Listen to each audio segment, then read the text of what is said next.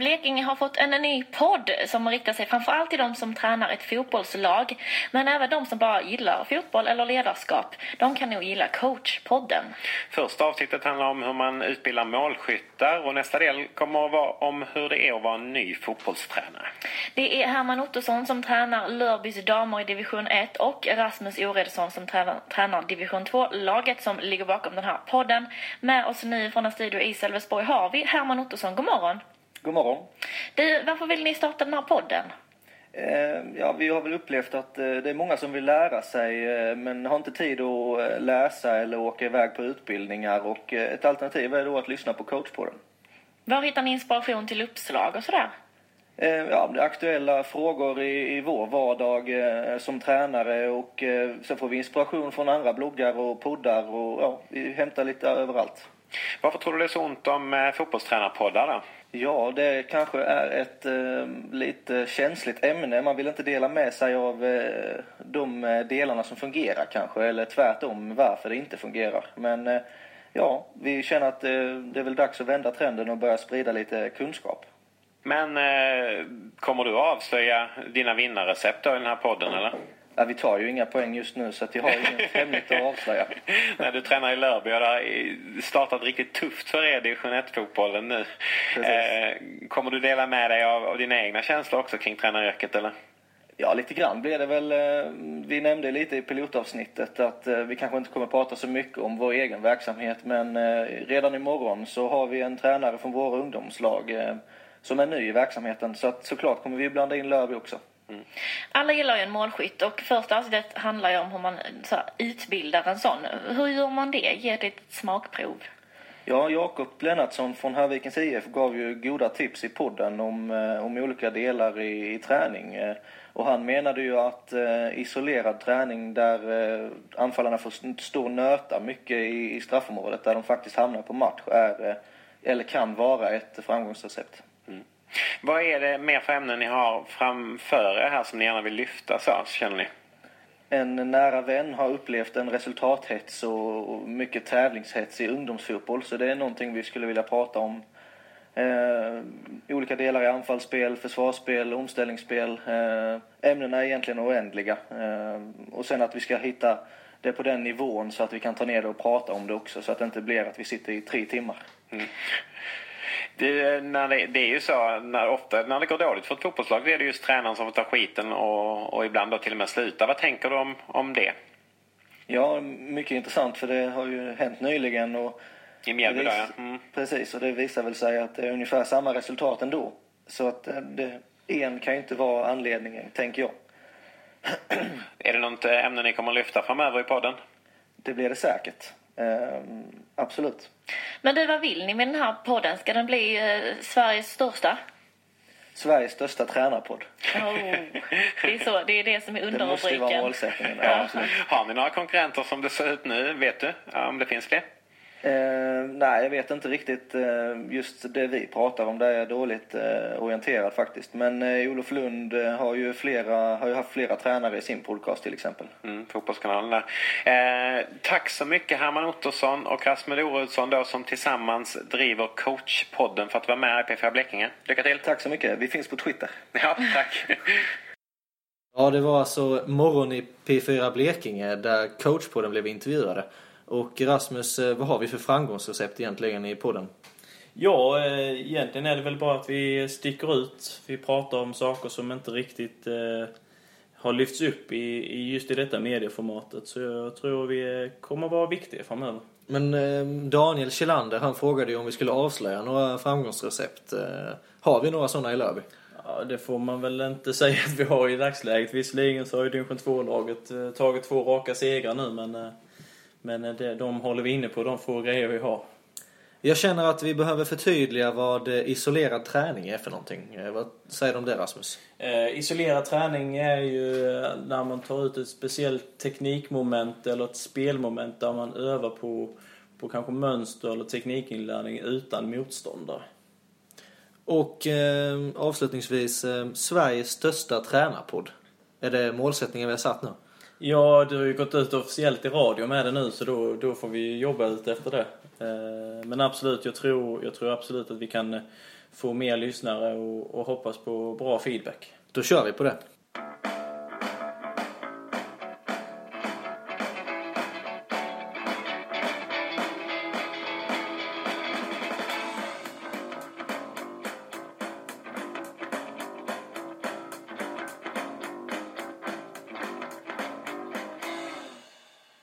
Välkommen till coachpodden avsnitt 2. Eh, vad tycker du om eh, avsnitt 1 Rasmus? Ja, jag var väldigt nöjd. Jakob Lennartsson från Hörviken gjorde en bra insats, bra diskussioner. Vad tog du med dig eh, kring eh, hur vi utbildar skyttekungar? Ja, jag tyckte det var en intressant diskussion eh, där vi hade då Jakob som kanske menar på att isolera träning är det bästa och, och jag menar på att man ska våga släppa in det mer funktionella momentet med motståndare. Eh, Men hur tyckte du? Lärde du dig någonting under den, eh, den diskussionen här nu? Jag tror att, eh, precis som Jakob sa, att en mix av båda är att föredra. Och jag har faktiskt mixat mycket i veckans träningar och vi får se om det ger resultat imorgon. Det får vi hoppas. Dagens avsnitt handlar om hur det är att vara ny tränare och eh, hur var det för dig Rasmus när du var ny?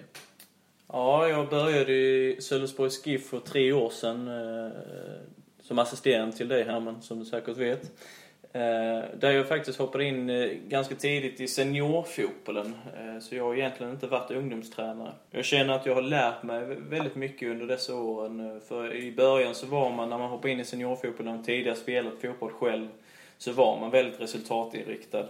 Och man ville vinna matcher, det var det enda som, som fanns. Så, så till att börja med så kanske det var bra för mig att hoppa in i seniorfotbollen där det kanske är lite mer fokus på resultat. Eh, men sen under dessa tre åren så har jag verkligen lärt mig mycket, mycket mer om, om spelet fotboll. Både det sociala och, och hur man pedagogiskt lär ut och, och liknande. Så, att, eh, så började min resa och här är jag idag i division 2. Eh, Herman, hur, hur var din resa? Hur startade den? Ja, det inleddes eh, 2009 där eh, jag och en kompis som heter Adam Berntsson tog över Sölvesborgs GIFs P99 som då var 12 år. Och eh, vi följde dem under några års tid eh, innan jag hamnade i, eller innan jag fick frågan om att ta över SGIFs, Sölvesborgs GIFs damlag. Och eh, det var ju då jag kontaktade dig. Och nu sitter vi här eh, tre år senare och eh, vi pratar om hur det är att vara ny tränare. Ja, dagens avsnitt handlar ju om hur det är att vara ny tränare och eh, till det har vi bjudit in en gäst. Välkommen Mia! Tack så mycket. Vi var nöjda med introduktionen förra avsnittet i avsnitt 1 där vi hade en faktaruta så vi inleder med det idag också. Ålder, 23 år, utbildning, gymnasiet med inriktning natur. vad har du för fotbollstränarutbildning, Jag har gått avspark, din huvudsakliga sysselsättning, jobbar på Volvo i Olofström. favoritlag. Nej, jag har inget speciellt. Mia, vad har du för bakgrund i fotbollen? Ja, jag började spela i BK Union när jag var 6 år. Och eh, när jag var 18 år så skadade jag korsbandet i ena knät. Och när jag var 22 så bytte jag till Lörby. Och näst, året efter så eh, skadade jag det andra korsbandet i det andra knät. Du sa att du gick till Lörby, eh, ja förra året då blev det ju. Skulle du säga att det är några skillnader på BK Union och Lörby IF? Det är väl lite mer folk på träningarna, lite annat ledarskap. Det är inte så isolerat som det var i Union. Och vad menar du med isolerat? Man fick tänka lite själv och ni visa och förklara på ett helt annat sätt. Ja, du är ju ny tränare för F14. Eh, Hur känns det att vara ny tränare? Det är spännande, utmanande och väldigt roligt. Det blir roligare och roligare för varje träning och match som jag träffar tjejerna. Och sen är det ju väldigt lärorikt. Har du mött några utmaningar som ny tränare? Den största utmaningen är väl att se alla. Att alla ska få känna sig delaktiga och att de ska få trivas. Ja, Mia pratar om eh, delaktighet och att se alla. Rasmus, eh, vad är dina tankar om det? Ja, eh, jag anser att det är viktigt att tjejerna får vara med på träningen, att diskutera och inte att det är ledaren själv som ska ge svaren utan att man, som jag när jag är i Blekinge fotbollsförbund LTU för F13 där med jobbar mycket med att ställa frågorna till tjejerna. Att det är de som ska försvara och det är de som ska styra träningen lite utifrån övningarna. Du säger LTU och det betyder ju alltså lokal talangutveckling. Stämmer, stämmer. Och ett steg in till eh, Blekingelaget skulle man kunna säga. Ja, absolut. Eh, sen så eh, har vi ju ett sätt också i Lörby, eller hur Herman, att få spelarna mer delaktiga. Ja, precis. Eh, Innan den första träningen varje vecka så måste alla hälsa på varandra. Eh, både spelare ska hälsa på varandra men också alla ledare ska hälsa på spelare och ledare. Och det är för att alla ska se alla och, och det känns som att innan vi går in i nästa moment i träningen så har alla spelare gått ifrån eh, hälsningen med ett leende. Så att vi har verkligen nått syftet känns det som. Ja, det är ju viktigt att fotbollen, eh, trots att den kan vara väldigt tävlingsinriktad och det är eh, konkurrenssituationer, att man faktiskt aldrig glömmer att är, man spelar fotboll för att det är roligt. Det är glädjen i fotbollen som är det viktiga. Precis. Mia, hur skapar du delaktighet i dina träningar? Att alla ska få vara med och visa vad de tror och känner. Vad tänker man på som ny tränare? Att eh, det ska vara enkelt och att alla ska få känna sig delaktiga. Eh, jag försöker fråga dem grejer så att de ska svara på och sen så visar jag. Har du fått någon hjälp av eh, föreningen när du har blivit ny tränare? Den mesta hjälpen får jag väl av er två. Den är jag väldigt tacksam över. Hur känner du? eh, Nu har vi ju gett dig tips på övningar och vi har använt Svenska fotbollsförbundets nya tränarutbildning C. Men om inte vi hade funnits där för dig, hur tror du att eh, du hade tänkt själv kring övningsval? Jag hade nog varit mer isolerat, mer bestämt. Så här ska ni göra. Och hur jobbar du nu? Nu är det väl att jag frågar dem istället hur man ska göra. Du tänker att du använder guided discovery som eh, instruktionsmetod? Ja, precis. Eh, Och guided discovery pratade vi om i avsnitt ett vad det betydde så vi behöver inte gå in djupare på det nu. Vi fungerar alltså som bollplank till dig Mia och eh, vad är det vi pratar om egentligen under veckorna?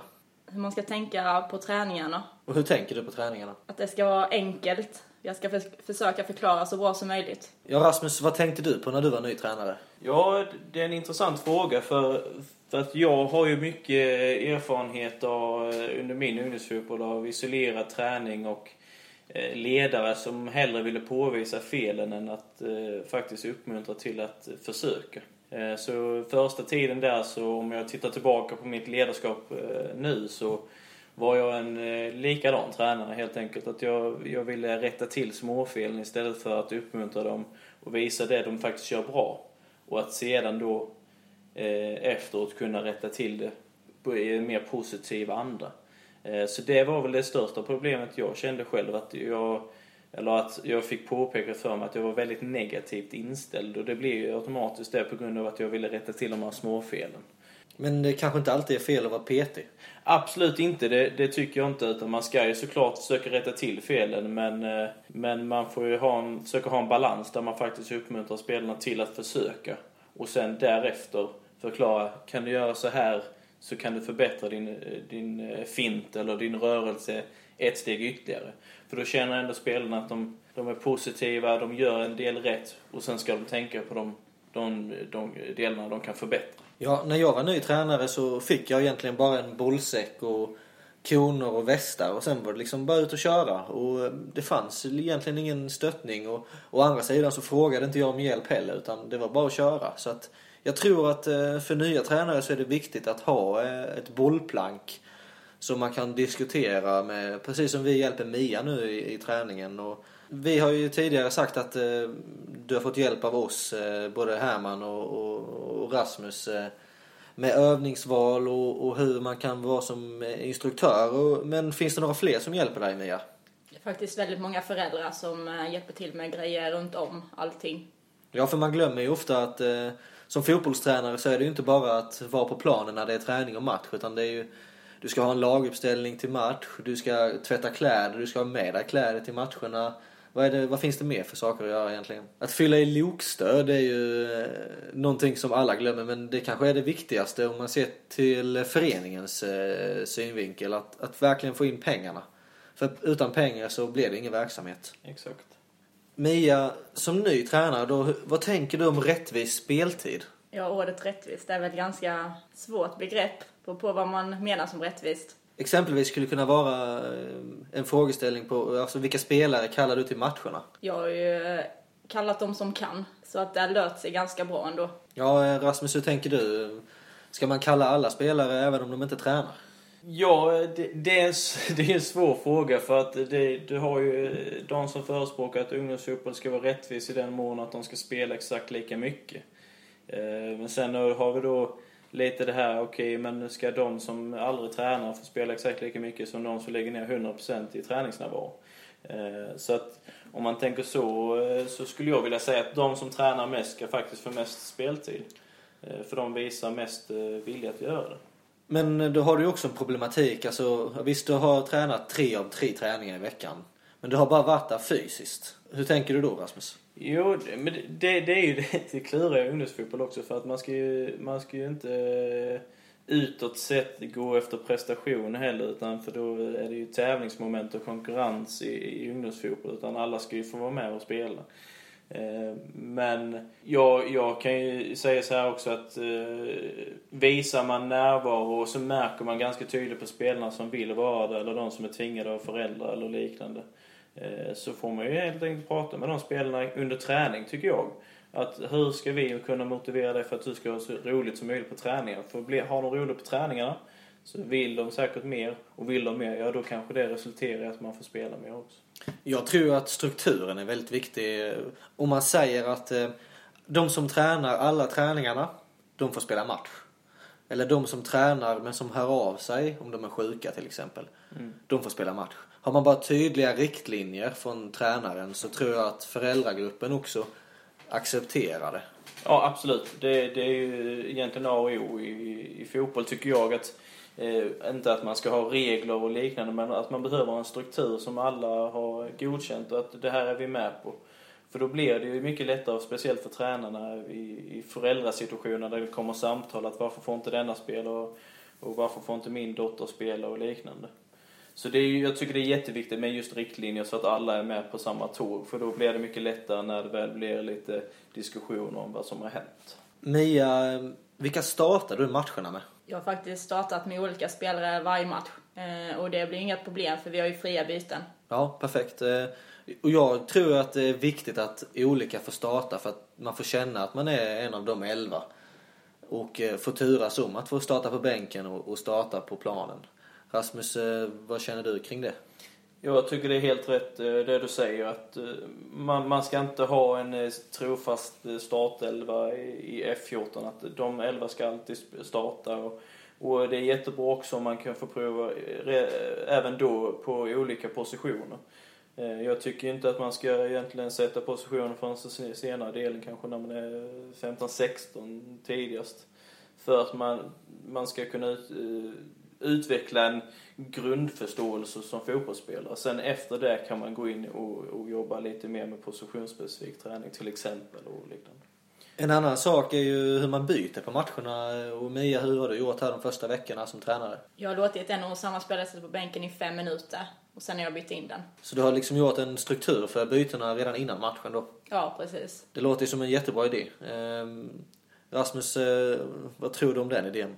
Ja, det, det är också eh, intressant för att det är ju en jättebra idé att eh, alla ska få spela och inte sitta på bänken för länge. Men sen så är det lite så här beroende på hur många spelare man har på bänken. Har man alldeles för många spelare på bänken till exempel och alla ska byta var femte minut då blir det kanske lite hackigt och då kanske spelarna tappar motivation till att, till att eh, komma in. Ja, då kanske jag bara ska spela 10 minuter sen ska jag ut igen.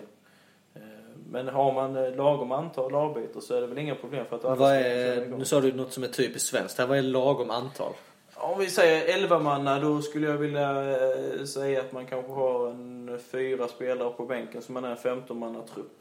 Och eh, hur, hur tätt intervall skulle du vilja ha byten? Ja, och kanske inte så långt ner som fem minuter.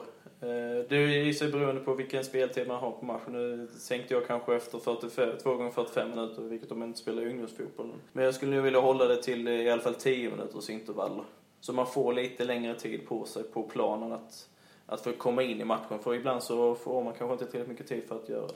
När känner du att eh, spelarna ska vara redo för att spela 90 minuter? Jag tänker ju som så här att alltså seniorfotboll, eh, egentligen så, så kanske 16 år och uppåt skulle jag vilja säga att man ska vara redo för 2 gånger 45 Och det är i det tidigaste laget, känner jag. Eh, då, då jag tycker att eh, det ska, man ska få utvecklas i sin takt för att spela så mycket som möjligt.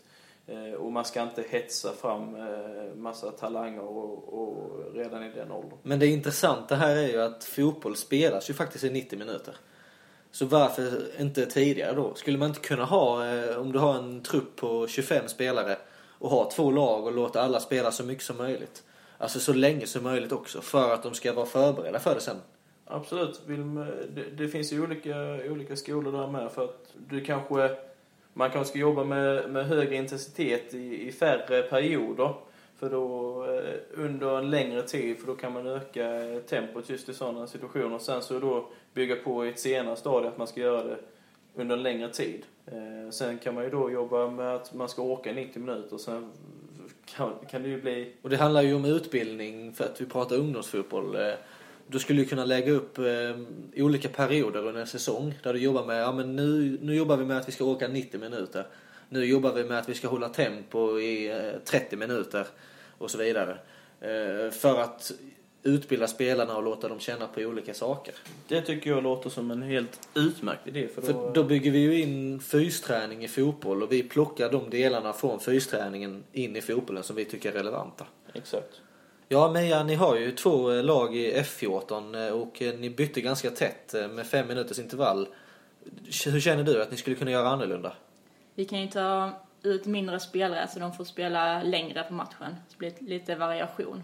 Och det är lite det som Rasmus också nämnde att eh, du får en annan variation och det blir en, en annan typ, eh, en annan spelform helt enkelt.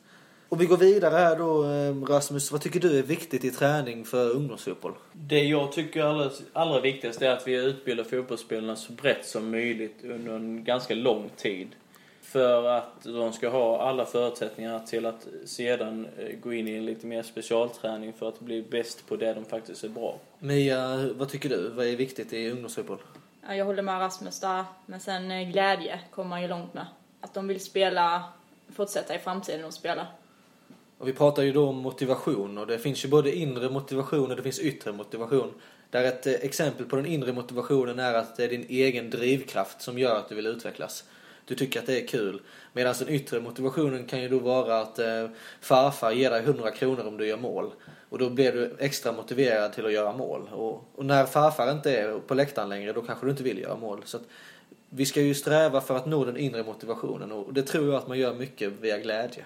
Absolut. Vi har ju läst eh, Ola Larssons eh, artiklar från fotbollsindustrin.se och har blivit eller väldigt eh, inspirerade till detta avsnitt. Och, eh, han nämner ju vissa delar som är viktigt i, eh, i träning i ungdomsfotboll och det är bland annat struktur. Eh, vad säger du om struktur, Rasmus? Ja, strukturen, det är, jag tycker det är viktigt att man har en tydlighet att, att vad ska man jobba med inom föreningen eh, så att man alla är drar åt samma håll. Så att det inte blir det här att vissa tränare övar på det när det ska hamna i ett annat skede i, i, i utvecklingen. Eh, så, så strukturen, precis som vi sa, eh, strukturerna gäller byte och, och allt det andra som vi har pratat om egentligen att en struktur underlättar så mycket för både föreningen, spelarna och tränaren. Förslag på en struktur skulle ju kunna vara en spelarutbildningsplan och eh, det har vi faktiskt tagit fram i Löby IF och Sölvesborgs GIF. Tror du att det är några lag som använder denna utbildningsplanen? Eh, med tanke på att den är fortfarande relativt ny i föreningen, den har ju bara funnits i, i, officiellt i, inom föreningen några månader, så, så tror jag det kommer ta lite mer tid innan eh, ledarna har faktiskt har satt sig in i spelutbildningsplanen.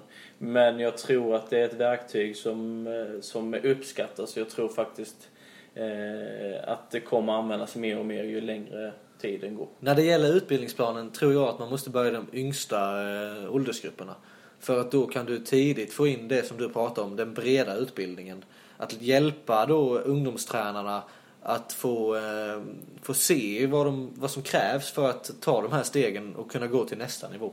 Mycket intressanta tankar och med de tankarna så ska vi sammanfatta vad vi har pratat om. Och Mia, hur var det nu att vara en ny fotbollstränare? Ja, det var ju väldigt roligt och lärorikt. Eh, Rasmus, eh, vad sa vi om rättvis speltid i ungdomsfotboll? Rättvis speltid anser jag att eh, det ska delas ut efter eh, motivation och träningsnärvaro. Eh, Men att rättvis kan betyda så mycket olika i olika föreningar. Vad sa vi om eh, vad som är viktigt i ungdomsfotboll, i träning? Träning och ungdomsfotboll tycker jag att man ska ha en grundläggande utbildning innan man i senare, senare delen i tonåren faktiskt ska gå in i specialistträning. Ja, mycket bra sammanfattat. Och eh, Mia Svensson, eh, vi tackar eh, för att du har gästat coachpodden avsnitt 2. Nästa vecka Rasmus, vad kommer vi prata om då? Då kommer vi prata om eh, resultathetsen i ungdomsfotboll. Ja, just det. Och eh, vad säger vi om detta avsnittet? Är vi, är vi nöjda? Absolut, jag tycker Mia har gjort ett jättebra jobb och jag önskar henne all lycka i, i fortsättningen. Ja, stort lycka till Mia. Tack så mycket. Eh, Sen får vi inte glömma att vi faktiskt har eh, en Facebook-sida som heter Coachpodden som ni hittar där. Och så har vi även en Twitter och likaså så heter den Coachpodden. Så kom gärna med feedback och åsikter om våra avsnitt eh, på de sidorna. Och vi har ju fått väldigt bra feedback och en av de sakerna är ju att vi ska avsluta med jinglen. Så nu kör vi den. Ha det bra så hörs vi nästa vecka. Vi hörs!